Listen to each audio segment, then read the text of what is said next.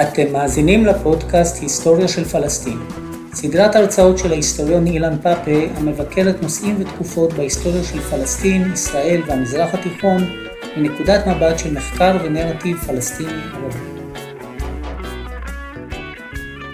ערב טוב, שמח לראות אתכם שוב אחרי תקופה אה, אה, ארוכה. אה, זו ההרצאה האחרונה בסדרה על הלובי הציוני והלובי הישראלי.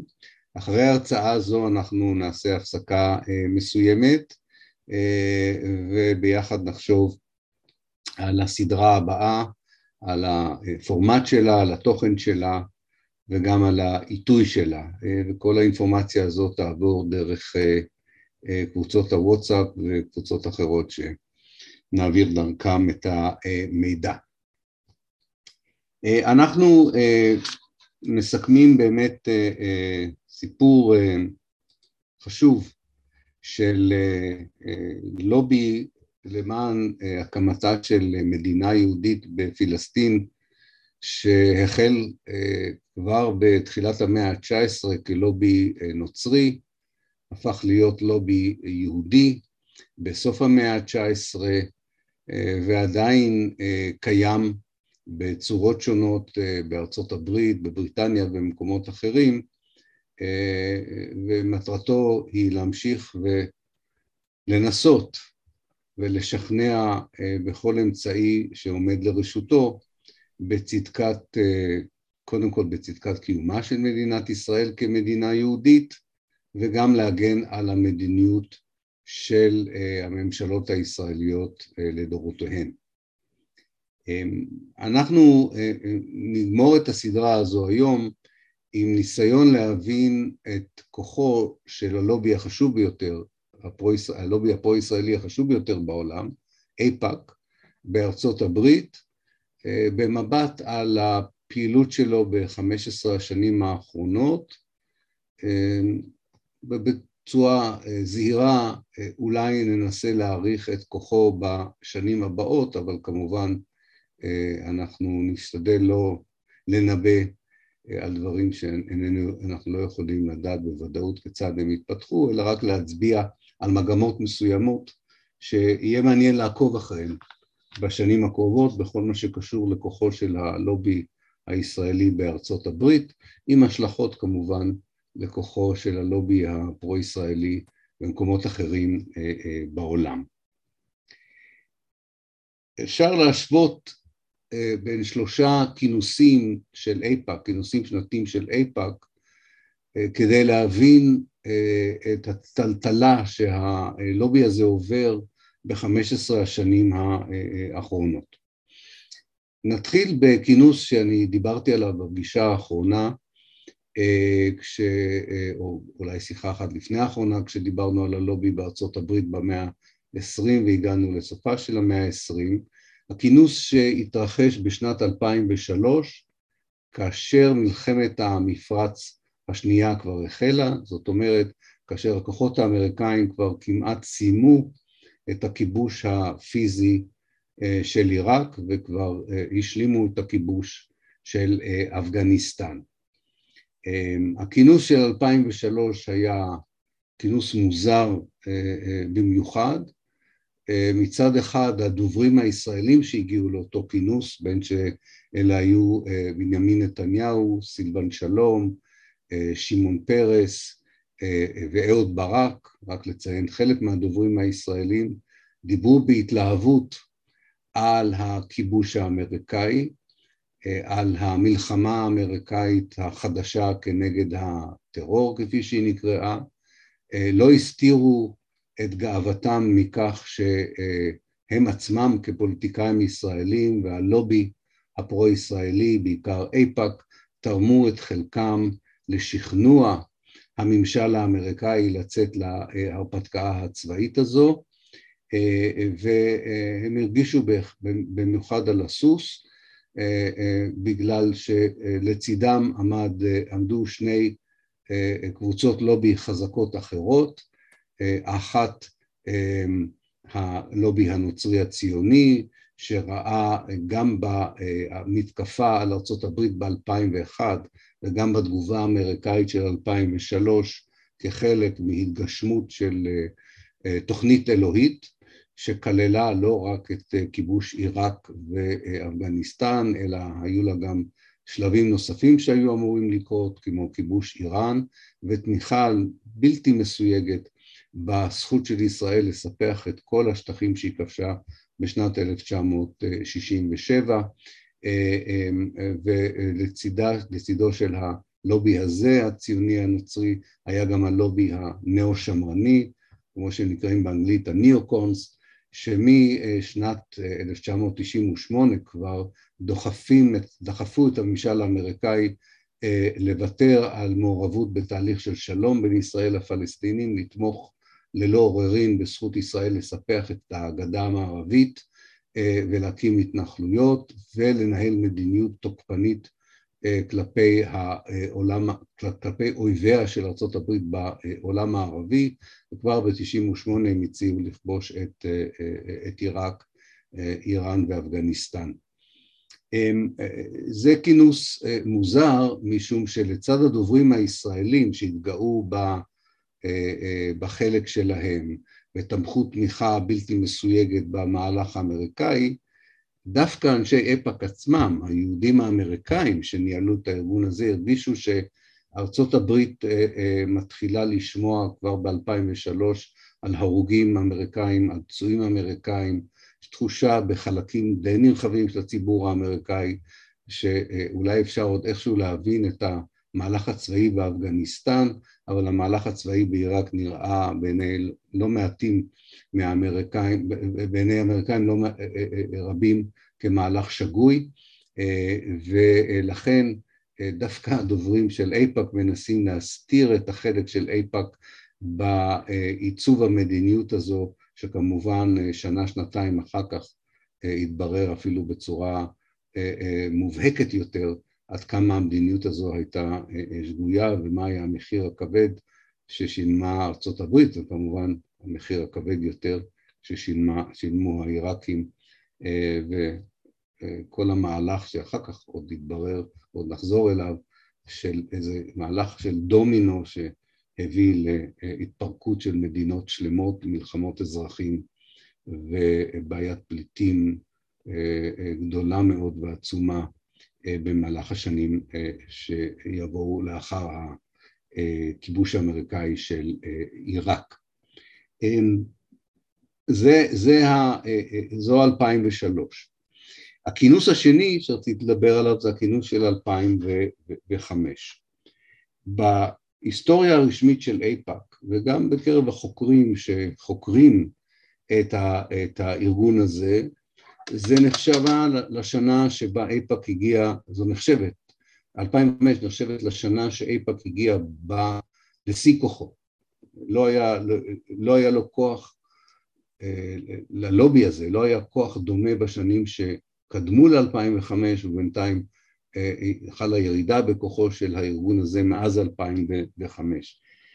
אחד הדברים המעניינים ב-2005 הוא שאיפא"ק פרסם אה, כעדות לכוח שלו גם את, אה, את התפריט אה, שהוא הכין לאורחים הרבים שהגיעו לכינוס ב-2005. אני קורא מתוך. הפרסום הרשמי של איפא"ק על הכינוס הזה ב-2005.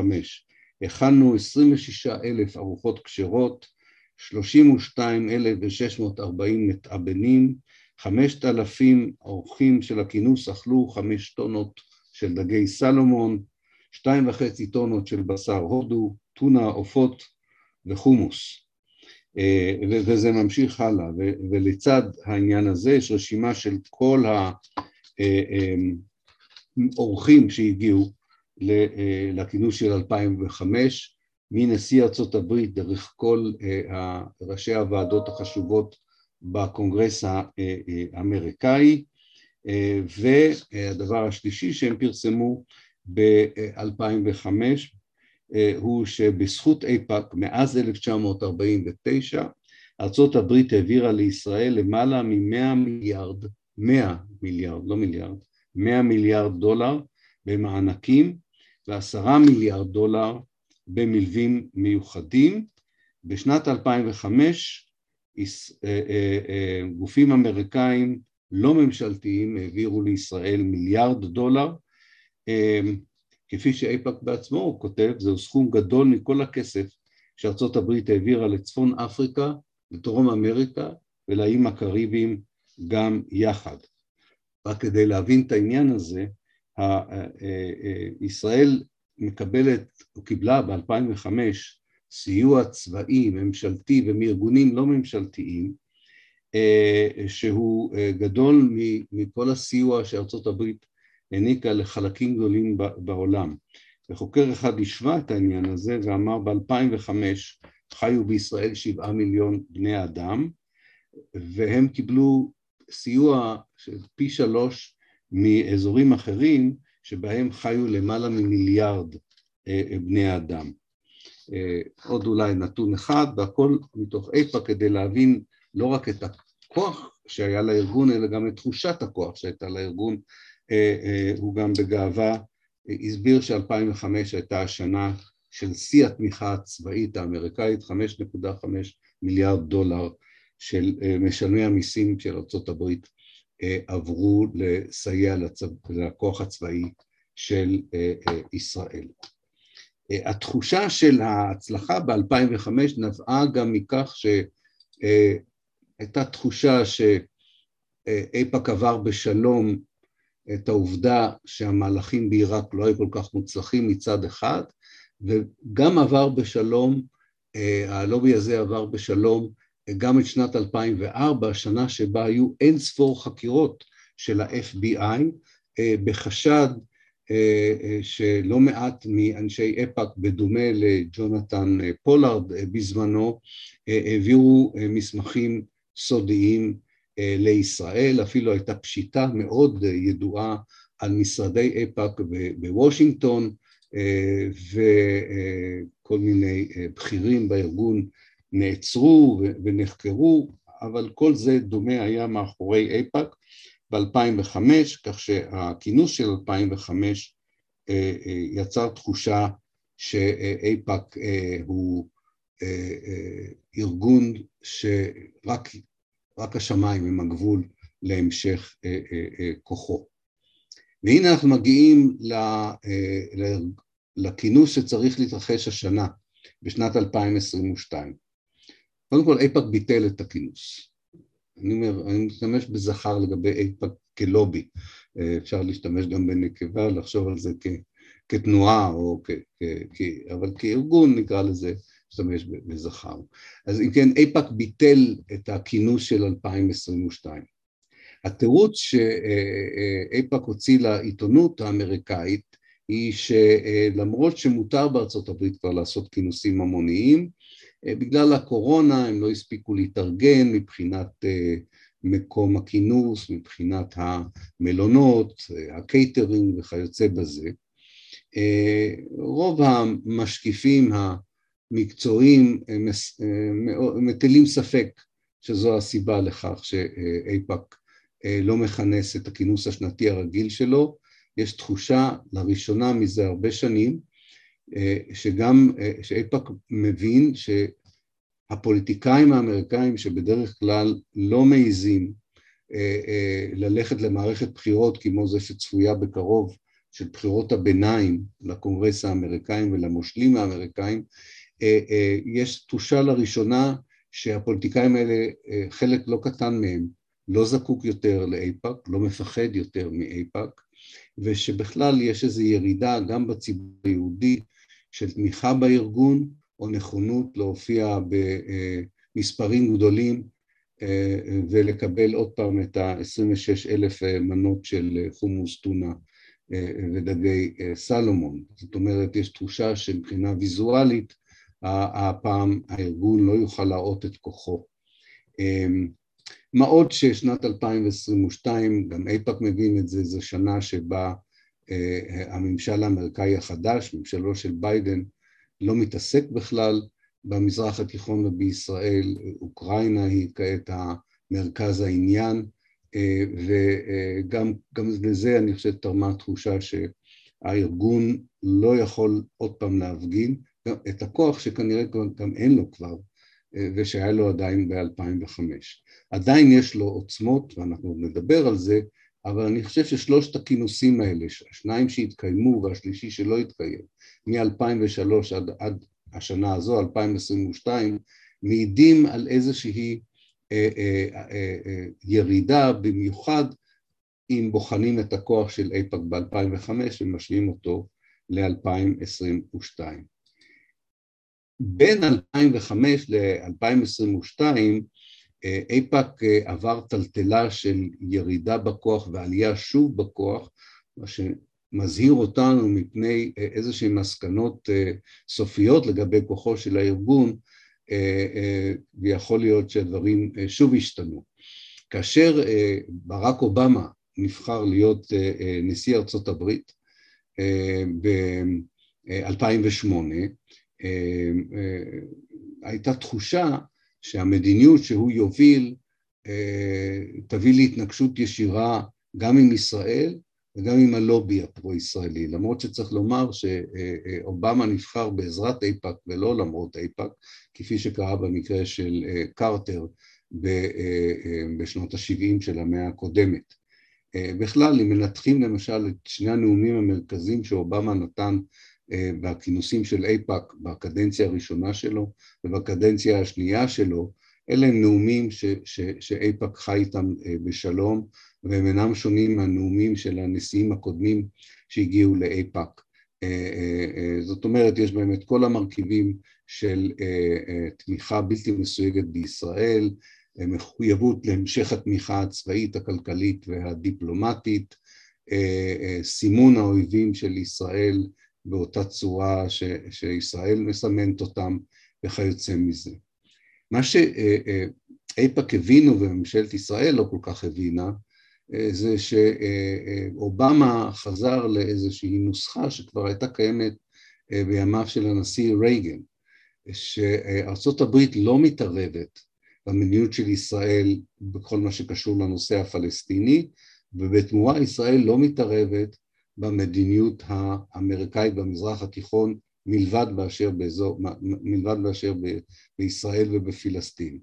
אמ, ומה שקרה כמובן אה, בערב מלחמת המפרץ, שישראל אה, אה, כן התערבה במדיניות האמריקאית, אבל היא לא הייתה הגורם היחידי שדחף למדיניות אמריקאית מסוימת במזרח התיכון, הלובי הציוני הנוצרי ובעיקר הלובי הנאו-שמרני היו הרבה יותר חשובים מהלובי הפרו-ישראלי בקביעת המדיניות התוקפנית האמריקאית באותם אה, שנים. אובמה חוזר לנוסחה הזו ולכן לא, לא מוכן שישראל תכתיב לו את מערכת היחסים שלו עם איראן או את המשא ומתן על הנושא הגרעיני.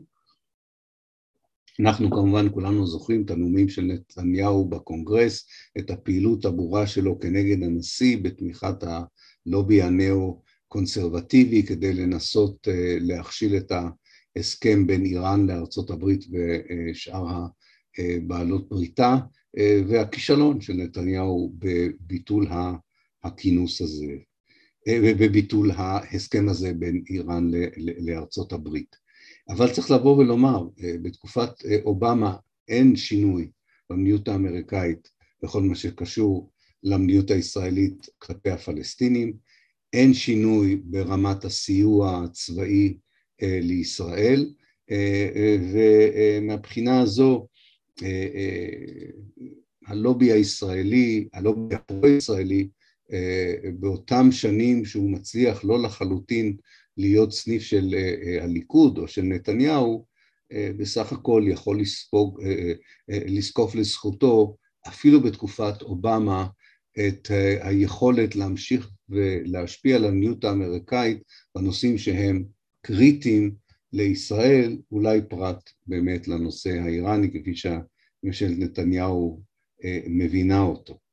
אה, ואז מגיע טראמפ ושוב יש תחושה באיפא"ק שהגבולות שוב עמומים בין מה שהלובי הפרו-ישראלי יכול לעשות בכל מה שקשור למדיניות האמריקאית כלפי ישראל ומה שהוא יכול לעשות בכל מה שקשור למדיניות האמריקאית כלפי המזרח התיכון.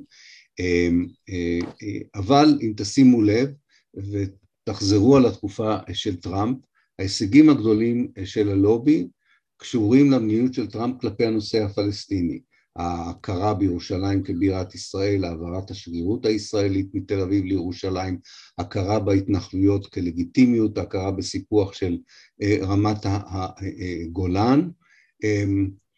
אמנם נתניהו זוקף לזכותו את ההחלטה של טראמפ לסגת מההסכם עם איראן, אבל האמת שזה לא הישג של ישראל וזה לא הישג של איפא"ק, זה הישג של הלובי הנאו-שמרני שהוא הבסיס האידיאולוגי שעליו נשען הממשל של טראמפ. אני לא חושב שטראמפ עצמו נשען על איזשהו בסיס אידיאולוגי, אבל האיש השני החזק, מייקל פנס, סגן הנשיא, וכל מי שהיה סביבו של טראמפ כיועצים לביטחון לאומי, שרי חוץ, שרי ביטחון, הם כולם חלק מהמיזוג המסוכן הזה בין נצרות ציונית מצד אחד ונאו-שמרנות אמריקאית מצד שני, ומהמקום הזה באה ההתנגדות להסכם עם איראן.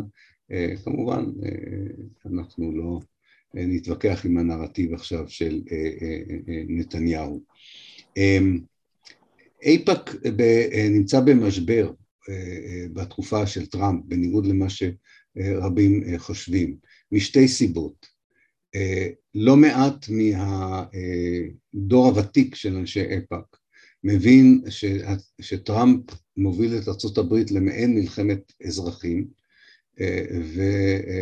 והזדהות מלאה איתו היא נטישה של חלק מאוד גדול של החברה האמריקאית. ואיפא"ק, לפחות האתוס של איפא"ק הוא שזה לובי שחייב להישען על תמיכה של שתי המפלגות כדי להיות בסיס איתן לתמיכה בישראל ללא קשר של זהות הנשיא או הממשל. זה דבר אחד. ודבר שני, ככל שאנחנו מתקרבים לסוף הקדנציה של טראמפ, הפעולות המטורפות שלו והלא הגיוניות שלו שמגיעות לשיא בעידוד של המתקפה על גבעת הקפיטול, הטענה לזיוף הבחירות, מעוררות ספק בעיני אפילו התומכים המושבעים של איפא"ק בהיגיון של תמיכה לקראת הבחירות של 2020 בתמיכה בלתי מסויגת בטראמפ והתנגדות למשל לבחירתו של ביידן בבחירות האחרונות. ואיפא"ק מסתבך בנושא הזה, למשל הארגון פרסם תמיכה בכ-30 חברי סנאט רפובליקני שתמכו בטענה של טראמפ על זיוף הבחירות והצביעו באותה הצבעה היסטורית שבעקבותיה באה ההתנפלות של ההמון על גבעת הקפיטול, על כך ש, שאין לביידן זכות לגיטימית להיות הנשיא של, של ארצות הברית. הארגון פתאום מצא את עצמו במיטה אחת עם ניאו-נאצים ושורה ארוכה של ארגונים אמריקאים קיצוניים ואפילו התומכים הגדולים של, של נתניהו או של הליכוד או של הימין הישראלי באיפא"ק חשו שאולי הם יידרדרו יותר מדי לשוליים הקיצוניים של הפוליטיקה האמריקאית. אנחנו יכולים לראות שבשנה האחרונה יש ניסיון של איפא"ק לנסות ושוב להעביר מסר שהוא ארגון שמחפש תמיכה בשתי המפלגות. אתן לכם דוגמה אחת מאוד מעניינת, לא יודע אם אתם זוכרים, אפילו בתקופת טראמפ זה כבר קרה, ישראל לא, רצ... לא אפשרה לחברות הפרלמנט שתומכות בפלסטינים להגיע לארץ, או בכלל למשלחת דמוקרטית של פרוגרסיבית שכללה חברות, לא פרלמנט, חברות של בית הנבחרים שידועות בתמיכה שלהם בנושא הפלסטיני וגם כמה חברי בית הנבחרים שתומכים. איפא"ק פרסמה הודעה שזו תהיה שגיאה של ישראל לא לאפשר לחברי הפרלמנט, חברי בית הנבחרים האלה וחברות בית הנבחרים האלה להגיע לארץ. זה ההתחלה של הניסיון לחזור לפחות לחזות של ארגון ממסדי, אחראי, ולא חלק מקואליציה של שוליים סהרוריים משהו וקיצוניים משהו שאיפא"ק הידרדר אליו בשנים האחרונות. דוגמה נוספת לדרך שבה איפא"ק מנסה לחזור גם לקראת סוף תקופת טראמפ ובוודאי עכשיו אחרי הבחירה של ביידן למין חזות יותר מכובדת, זה מערכת היחסים של איפא"ק עם ברני סנדרס, שאתם ודאי יודעים מי הוא המועמד הפרוגרסיבי, אפשר לקרוא לזה אולי של השמאל האמריקאי, שהפסיד בבחירות על המועמדות למפלגה הדמוקרטית מול הילרי קלינטון, וגם לא הצליח להביס את ביידן בבחירות המוקדמות, אבל נכנס לממשל של ביידן, הוא היום יושב ראש הוועדה החשובה ביותר בסנאט האמריקאי, ועדת התקציב, ואפשר לראות כיצד איפא"ק מנסה להתאים את עצמו למאה ה-21, ל-2021 הייתי אומר אפילו, לכך שהדמוקרטים כוללים בתוכם מה שאפשר לקרוא לזה אגף פרוגרסיבי, ושהרפובליקנים יכול להיות אם תצטרך לראות, נמצאים באיזושהי מלחמת אזרחים פנימית משלהם. במאי, אפשר לראות את זה במערכת היחסים של איפא"ק עם, עם ברני סנדרס.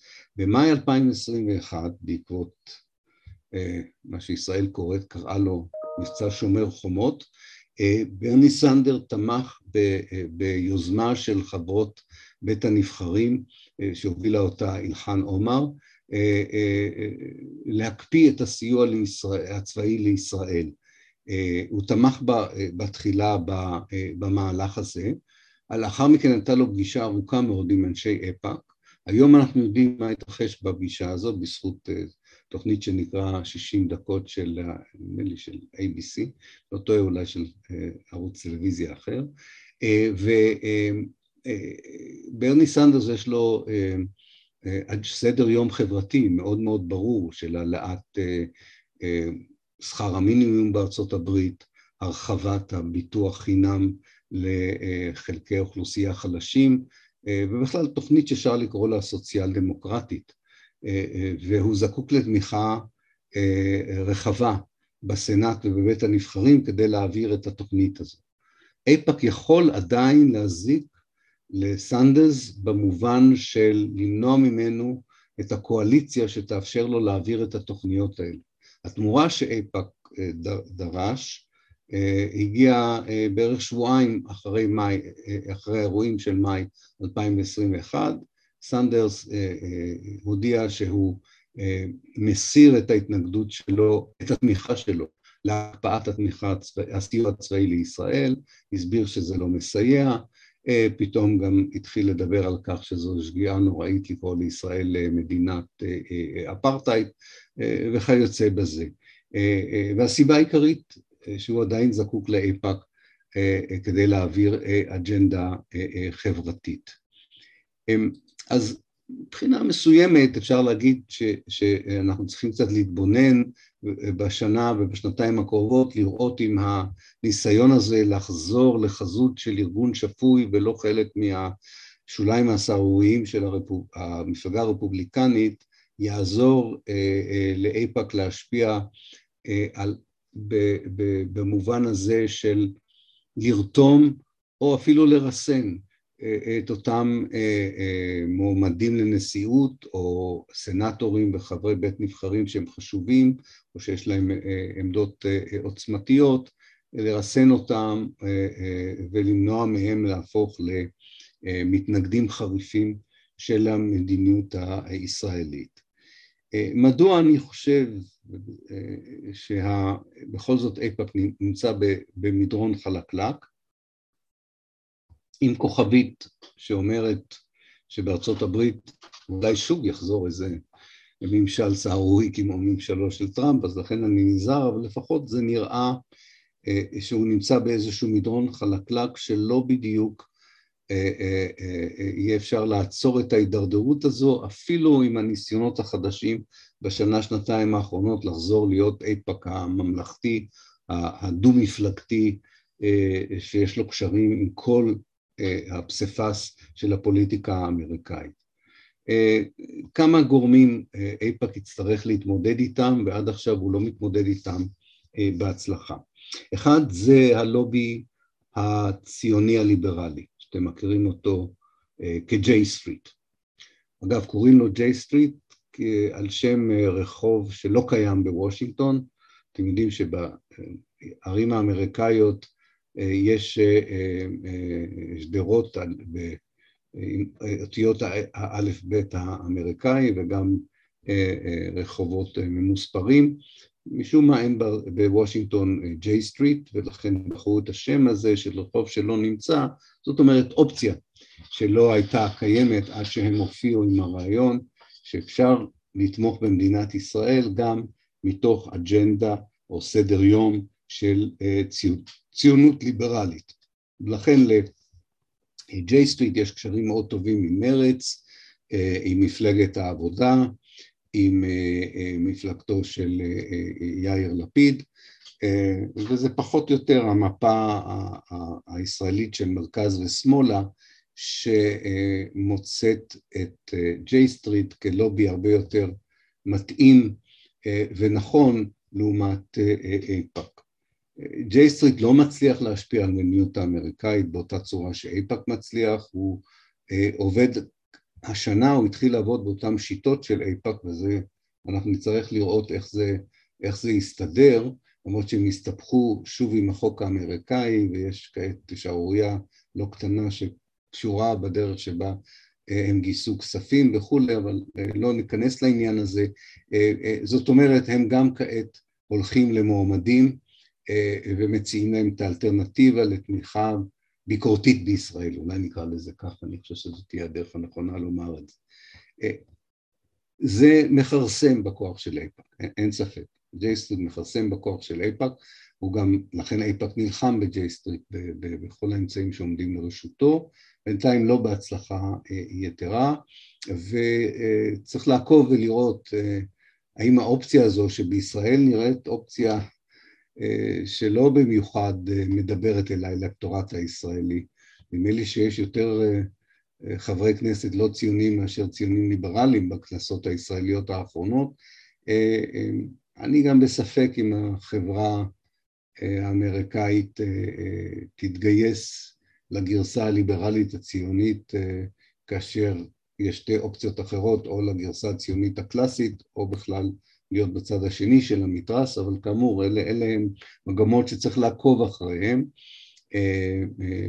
ואין לנו דרך לנבא את, את המגמות האלה בעתיד.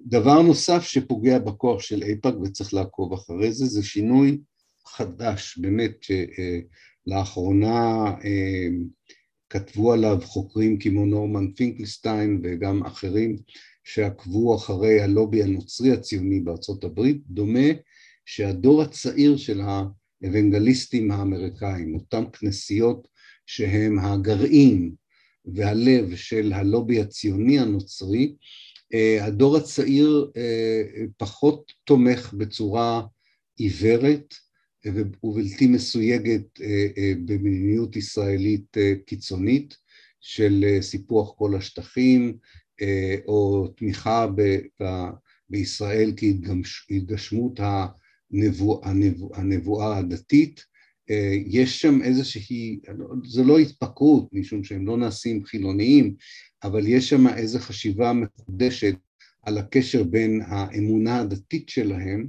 לבין העמדה הפוליטית שהדור הקודם החזיק בה של תמיכה ללא סייג וללא תנאי בישראל. זה שינוי ששמו אליו לב רק לאחרונה, יהיה מעניין לעקוב אחריו, משום שהלובי הנוצרי הציוני שבהערכה מסורתית, שמרנית מאוד, יש לו לפחות 50 עד 70 מיליון תומכים בארצות הברית, הוא כוח מאוד משמעותי, ואם שם תהיה אפילו איזושהי התפצלות של כוחות, או מגוון יותר רחב או מנעד רחב יותר של רעיונות, זו פגיעה מאוד משמעותית בעמוד תווך חשוב מאוד של הלובי הפרו-ישראלי בארצות הברית באופן כללי. אנחנו יודעים כבר מזמן על שינוי מאוד משמעותי בקרב הדור הצעיר של יהודי ארצות הברית, על, שם המספרים הם הרבה יותר משמעותיים מאשר בדור הצעיר של הנוצרים הציונים. תוכניות כמו תגלית לא זוכות להצלחה גדולה, אתם זוכרים, אתם ודאי יודעים מהי התוכנית תגלית שמנסים להביא צעירים יהודים אמריקאים לישראל מתוך תקווה שהביקורים האלה יעודדו אותם לעלות לארץ. הפרויקטים האלה לא ממש מצליחים וארגונים של סטודנטים יהודים בארצות הברית מפוצלים היום בכל היחס, בכל הנכונות להמשיך ולשמש שופרים או, או נציגים נאמנים ואדוקים של המדיניות הישראלית או של, של ישראל. אבל מעל הכל, אני חושב, מעל הכל, יש שתי תופעות שיהיה קשה מאוד לאיפא"ק להתמודד איתן, ויחד עם זאת, הנסיגה שאני מעריך שתהיה בכוחו של איפא"ק, לצערי עדיין אין משמעותה, לפחות בעתיד הנראה לעין, של שינוי דרמטי במדיניות האמריקאית. צריך להבדיל בין שני הדברים. ואני אסביר אה, מיד למה אני מתכוון. אבל קודם כל אני רוצה להצביע על שתי התופעות שהן לדעתי מבחינת איפא"ק האתגרים, מהוות את האתגר, את האתגר החשוב ביותר בפני איפא"ק וגם בפני הארגונים האחרים שמהווים את הלובי הפרו-ישראלי בארצות הברית.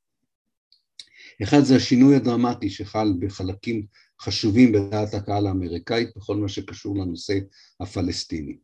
זה התחיל עם הופעת ה-BDS בארצות הברית ב-2005, אמנם תנועה של ה-BDS, של ה-Boycott, Divestment ו-Sanctions, חרם, סנקציות ומשיכת השקעות, אמנם התנועה הזו החלה בבריטניה, אבל היא הפכה להיות מאוד חזקה בקרב חוגים מסוימים בארצות הברית, בעיקר בקמפוסים האמריקאים,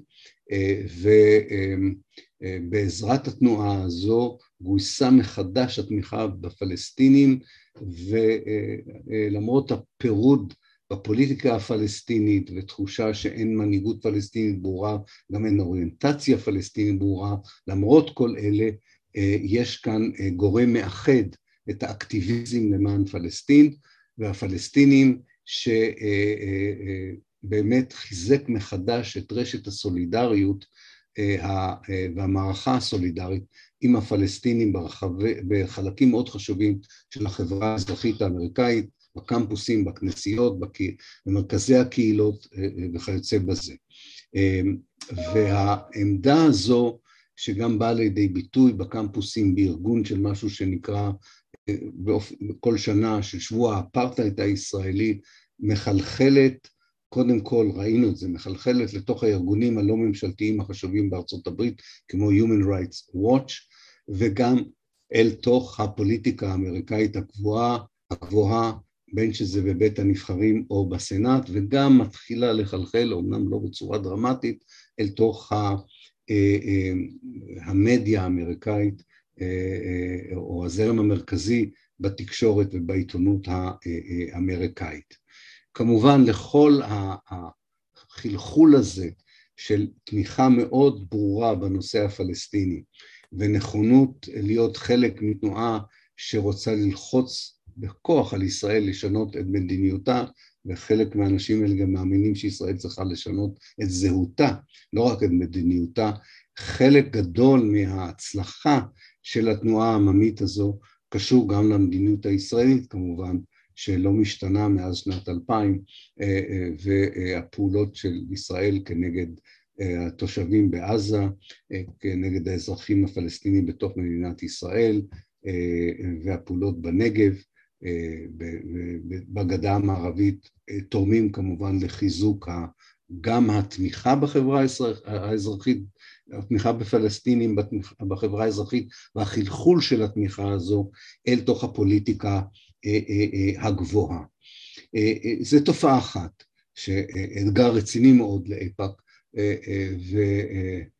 ופה כל הניסיון הענק שיש לאיפא"ק במימון בחירות של נציגים לבית הנבחרים ולסנאט ואפילו לעיריות ולמושלים, מימון של עיתונות ותקשורת, כל האמצעים האדירים שעדיין עומדים לרשותו של הארגון הזה ובגדול במשך השנים הצליחו למנוע סטייה רצינית במדיניות האמריקאית כלפי ישראל, כל האמצעים האלה לא כל כך יעילים, מתברר, כלפי שינויים תת-קרקעיים בחברה האזרחית האמריקאית, ואנחנו מיד נדבר על זה עוד, עוד דקה אחת, זו שאלה מאוד טובה, מדוע השינוי הזה בכל זאת לא משנה בינתיים את המדיניות האמריקאית מגבוה כלפי הנושא הפלסטיני. אבל זה אתגר שאיפא"ק יצטרך להתמודד איתו. האתגר השני הוא דור חדש של אמריקאים פלסטינים, אפשר לקרוא להם. זה כבר אנש... זה אלה צעירים וצעירות שעמדו כבר בארצות הברית, גילו מחדש את שורשיהם, רואים את הזהות המשותפת שלהם כאמריקאית ופלסטינית כדבר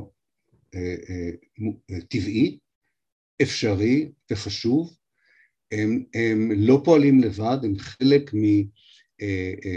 ממערכת חדשה של קשרים בין קבוצות שונות בחברה האמריקאית שמאמינות שהחברה האזרחית בארצות הברית לא מצליחה להשפיע על המדיניות האמריקאית, גם מדיניות הפנים וגם מדיניות החוץ, בגלל הקשר בין הון לשלטון בארצות הברית, זה תנועת, התנועה של האפריקאים האמריקאים, של הילידים האמריקאים, תנועת הנשים, תנועות, תנועות הלהט"ביות ועוד הרבה קבוצות שמרגישות שהן מחוץ למשחק הפוליטי.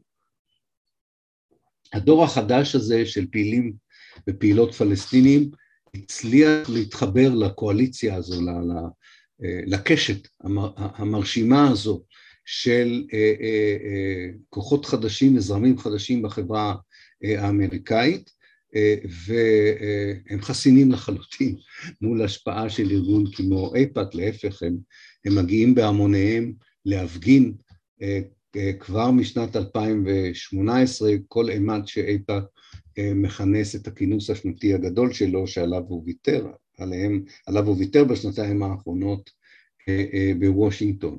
אז יהיה מאוד מעניין לראות כיצד הקואליציה הזו של הפלסטינים האמריקאים עם קבוצות חשובות בחברה האמריקאית, כיצד הם ישפיעו על הכוח של איפא"ק בארצות הברית. ולבסוף, כדי לכלול את כל הסיפור הזה ביחד, אנחנו צריכים לשאול את השאלה הבאה. האם הירידה, שתי שאלות בעצם, האם הירידה בכוח של איפא"ק פירושו של דבר שינוי במדיניות האמריקאית כלפי הנושא הפלסטיני, או לחילופין, האם השינוי המאוד מהותי שמתרחש בחלקים חשובים של החברה האזרחית האמריקאית כלפי הנושא הפלסטיני, ישפיע על המדיניות האמריקאית כלפי ישראל. אז קודם כל העובדה בשטח היא ששני התהליכים האלה שאכן קורים לא משפיעים על המדיניות האמריקאית. משום שהמדיניות האמריקאית הבסיסית של משטר ביידן, שהיא דומה למדיניות של, משטר, של ממשלים קודמים, סליחה, ממשל ביידן, לא משטר ביידן, דומה למדיניות של ממשלים קודמים, היא לשמור על הסטטוס קוו. לא לנהל מדיניות של שינוי דרמטי בשום דבר שקשור לנושא של ישראל והפלסטינים. אפשר לדבר על שינויים, אבל לא לעשות. זה מאוד מאוד חשוב, וזו הדרך הטובה ביותר כדי לשמר מאזן כוחות בין ידידיה של ארה"ב בעולם הערבי לבין המחויבות ההיסטורית הידועה והסמלית ובעיקר המעשית של ארה"ב בישראל. אז מבחינה זו לפחות עובדתית שני התהליכים המשמעותיים האלה שירידת כוחו של הלובי מחד והחיזוק בתמיכ... בעניין הפ... של התמיכה בעניין הפלסטיני מאידך לא משפיעים על מדיניות האמריקאית.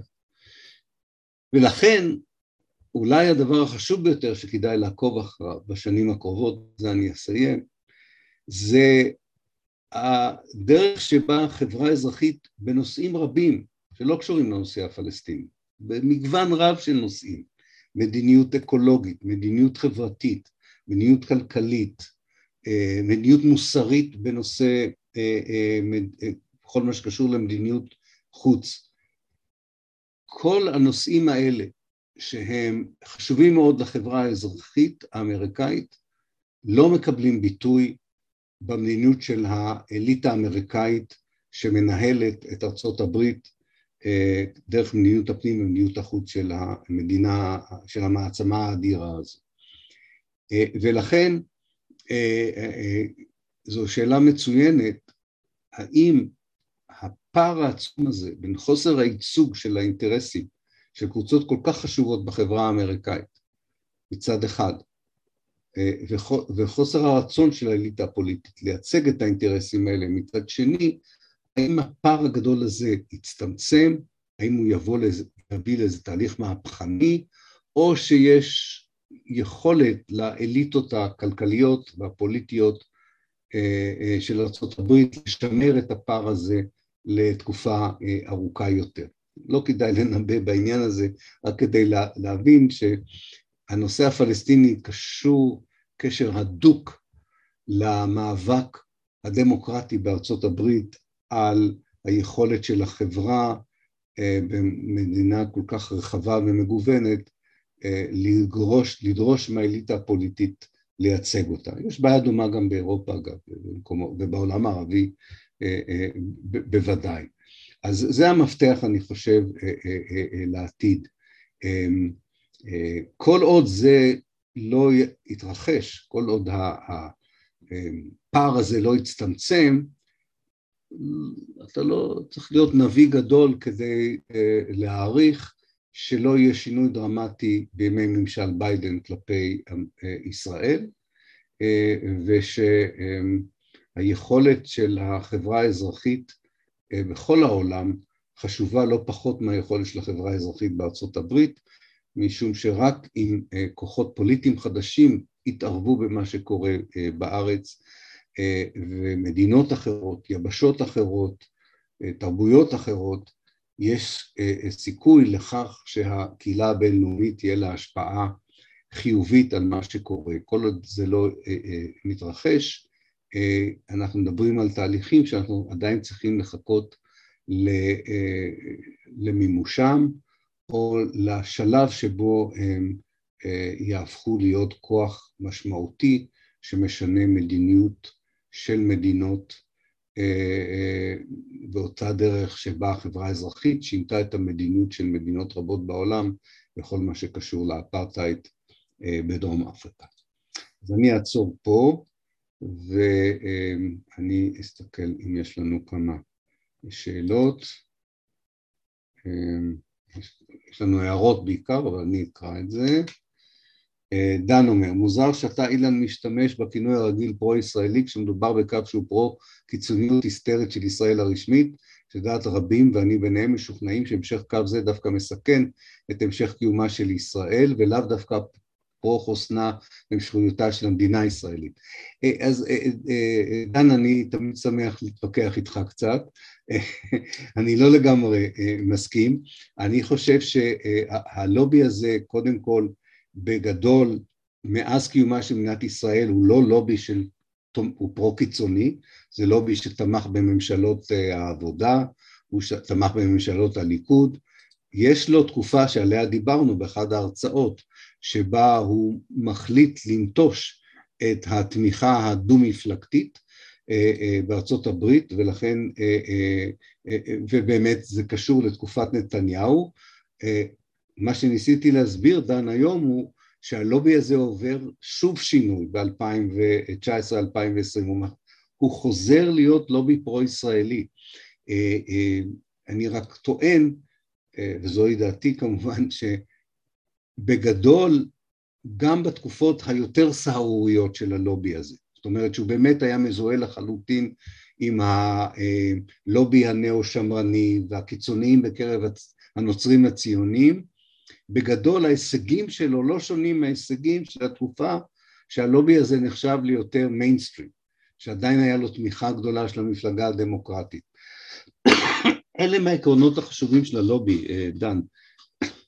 לא תמיכה בסיפוח השטחים או במדיניות קיצונית. מה שחשוב ללובי הזה מאוד, ועל זה יש קונצנזוס בקואליציה שכעת, אה, אה, לא יודע, אפילו אולי מנסור עבאס עכשיו אפשר לכלול אותו בקואליציה הזו, בקואליציה שעכשיו מתחזקת את הממשלה הנוכחית. בשום פנים ואופן אסור להגיע למצב שבו מישהו בעל חשיבות בארצות הברית יפקפק באידיאולוגיה הציונית, בלגיטימציה הציונית, ברעיון של מדינה יהודית, ושהמשך הדיאלוג עם הלובי והממשל וישראל יהיה על מדיניות ולא על עצם הפרויקט. מה שמאוד אה, אה, מאפיין את מה שתיארתי אותו בחברה האזרחית האמריקאית, שמזמן הדיון בקרב הקבוצות החשובות שתומכות בנושא הפלסטיני הוא לא דיון על מדיניות ישראלית זו או אחרת, הוא דיון על עצם אה, זכות קיומה של מדינה שהיא גזענית, מבוססת על זהות אתנית שממשיכה לדכא את הפלסטינים. זה דיון מהסוג שאיפא"ק היה בטוח שהוא לחלוטין מחק אותו מסדר היום האמריקאי ושהיה צריך להתקיים רק בשוליים הסהרוריים של החברה האמריקאית. זה לא קרה, זה לא קרה, זה דיון מאוד משמעותי. אין לו השפעה על המדיניות האמריקאית, נכון להיום, אבל האם זה יימשך? זו שאלה אה, מעניינת. אה, אה, כריסטופר, כריסטוף, למה קוראים לך כריסטופר היום? אני לא יודע, כריסטוף, סליחה, אסף טוב. האם אפשר לומר שאם לא יהיה יותר איפא"ק יהיה סיוע כלכלי צבאי לישראל? האם אפשר לומר שאם מסיבה כלשהי ארה"ב תציע להזרים כספים, יש סיכוי שישראל תיאלץ לוותר על הפרויקט הציוני? זה אחריות אה, בלבד על הכותב, כותב wishful thinking, אנחנו על העניין הזה. אז בואו בוא נתחיל עם השאלה הראשונה. אה, אני חושב שהסיוע הצבאי לישראל, בכלכלי ישראל, ימשיך גם אם איפא"ק לא תתקיים, מפני שעדיין יש קומפלקס תעשייתי צבאי בארצות הברית שמפיק תועלת רבה מהסיוע הצבאי לישראל, משום שכפי שאתה יודע, כריסטוף, אחד הסעיפים החשובים בהסכם הסיוע לארצות, של ארצות הברית לישראל הוא שישראל חייבת לקנות חלק מהנשק אה, מהתעשייה האמריקאית. היא חייבת להיות שותפה במחקר ופיתוח עם התעשייה האמריקאית הצבאית. אז, אז אני חושב שקודם כל יש אינטרס של קבוצה חשובה מאוד בארצות הברית שהיא התעשייה הצבאית לעניין הזה. גם הנאו-שמרנות האמריקאית לא זקוקה לאיפא"ק. אה, אה, היא עדיין קיימת, אני לא רוצה עכשיו לתת את הרשימה של כל הארגונים ומכוני המחקר, אבל הם מאוד משמעותיים, ולכן אני חושב שזה ימשיך. אבל יכול להיות שבלי איפא"ק התמיכה תרד מבחינה כספית, לא בגלל סיבות אידיאולוגיות, אלא מסיבות כלכליות. משום שחלק מהשמרנות האמריקאית היא גם לטעון שהכספים צריכים ללכת קודם כל למטרות אמריקאיות, ולכן אה, זה יכול להיות משמעותי וקשה להעריך, אבל באיזה משמעות. לגבי ה, אה, באמת מה שאנחנו כולנו שואלים את השאלה הזו, אם יהיה U-turn אמיתי במדיניות האמריקאית, אה, מה יקרה לישראל במקרה הזה? זו שאלה מצוינת, יש כמה אנשים שניסו לכתוב על זה מאמרים, כי יש אה, תחום באקדמיה שנקרא אה, מדעי עדיתנות, שבו אתה מנסה לייצר תרחישים שבאמת בסימולציה כזו, כן, של משחק, מה, מה קורה. אמ, נכון להיום, אם אני מסכם את המסקנות של המחקרים שאני ראיתי, אה, הוא שישראל אה, תיאלץ אה, לשנות את ה... אני לא יודע אם נוותר על הפרויקט הציוני, אבל תיאלץ לשנות באופן מהותי את המדיניות שלה ללא תמיכת ארצות הברית. זאת אומרת, כי, כי מה שאנשים חוזים זה איזשהו כדור שלג. אם ארצות הברית כבר לא מרכזית כגורם השפעה, אז גם אירופה משנה את המדיניות שלה.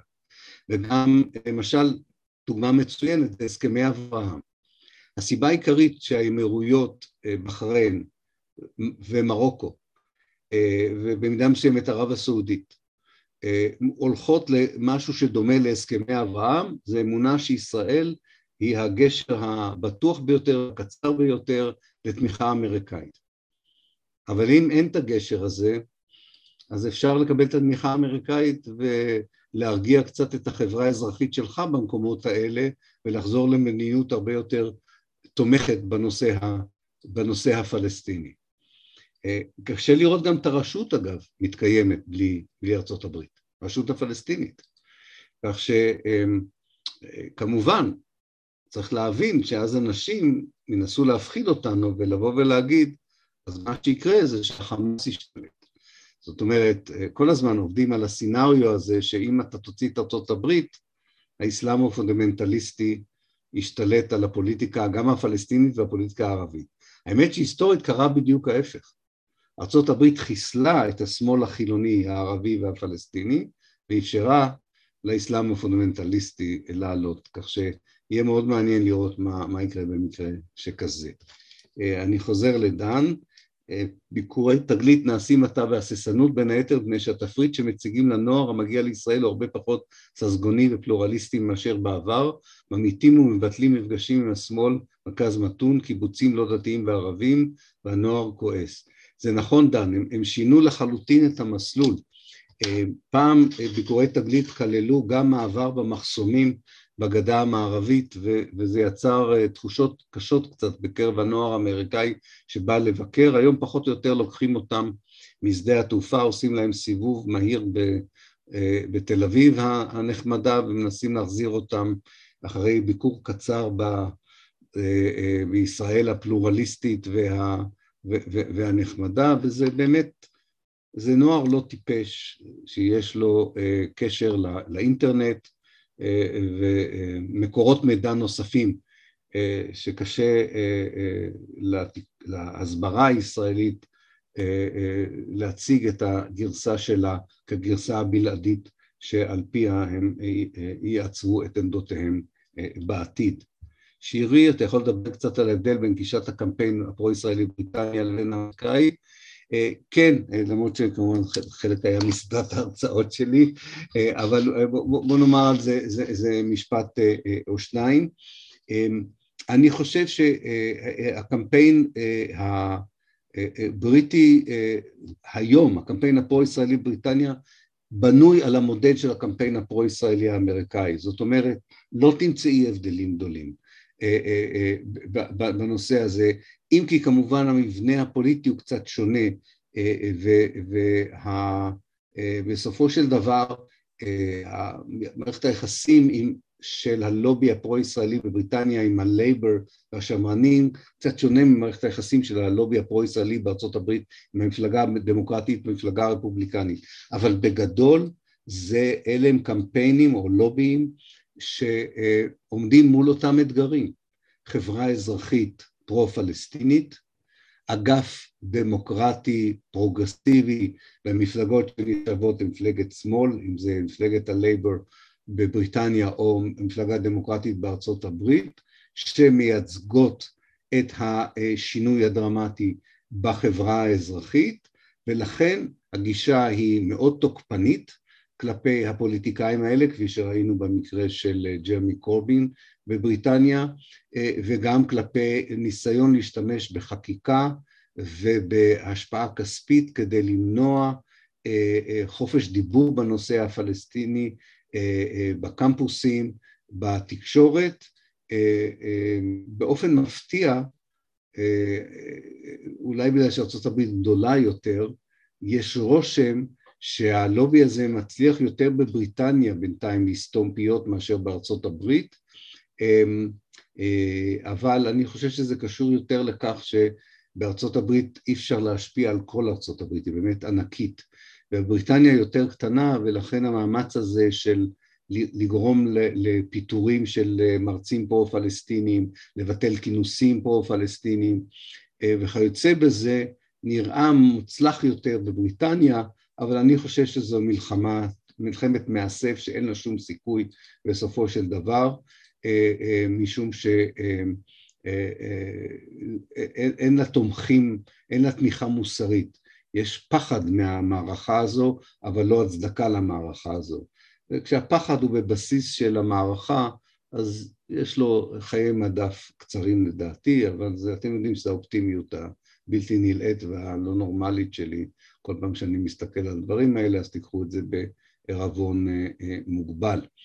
אה, דן, האם הקו של ישראל מסכן את ישראל? אז פרו-ישראלי היה צריך להתגייס להציל את ישראל מעצמה? כן, אני מסכים איתך, אבל בסופו של דבר הקונצנזוס הישראלי מאז שנת 2000, שאני חושב 80 אחוז מהאלקטורט היהודי בישראל מצביע, מצביע בעדו, הוא בעיני אנשים כמוני וכמוך, הוא, הוא אה, מסמך או אג'נדה או אה, נקרא לזה מצע פוליטי שהוא מטורף בסופו של דבר, ובצד הלא נכון של ההיסטוריה, והוא גם לא הסתיים טוב. אה, אבל אנחנו, אני אופטימי ואני תמיד מסיים בצורה אופטימית. אני באמת חושב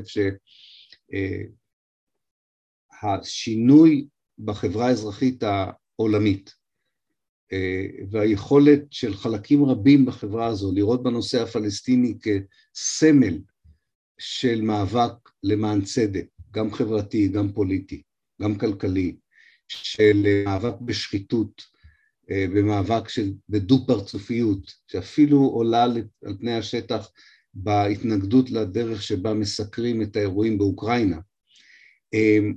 אה, אני חושב שלדברים האלה באורך, לאורך זמן תהיה השפעה על המדיניות האמריקאית כלפי הנושא הישראלי והפלסטיני. אני ער לכך שזהו תהליך ארוך ובינתיים בשטח עצמו אין לזה השפעה בשטח עצמו המצב מידרדר ונעשה קשה יותר, אבל uh, אני אסיים במה שאני תמיד uh, זוכר מהשיחה שלי עם דזמונד טוטו כשהייתי בדרום אפריקה, ועם זה אני אסיים. הוא סיפר לי שקצת uh, לפני נפילת uh, חומת ברלין, נלסון מנדלה, שעדיין היה בכלא ברובין איילנד ליד קייפטאון, אה, כתב אה, מיד שהוא שמע על נפילת החומה בברלין, הצליח להעביר איזשהו פתק להנהגה של ה-ANC שהייתה בגלות בזמביה, במקומות אחרים, שצריך להתכונן לסוף השלטון של האפרטהייד. וטוטו אמר לי, חשבנו שהוא השתגע לגמרי, הוא כבר כל כך הרבה שנים בבידוד שם, על האי הזה ובכלא הזה, שלא לא ברור מאיפה אה, זה בא, כי השנה שבה הוא כתב את זה, שנת 87, 88, הייתה שנה שבה במיוחד משטר האפרטהייד גילה אכזריות בלתי רגילה אה, בדיכוי ה-ANC ובכל תנועת ההתנגדות לשלטון האפרטהייד.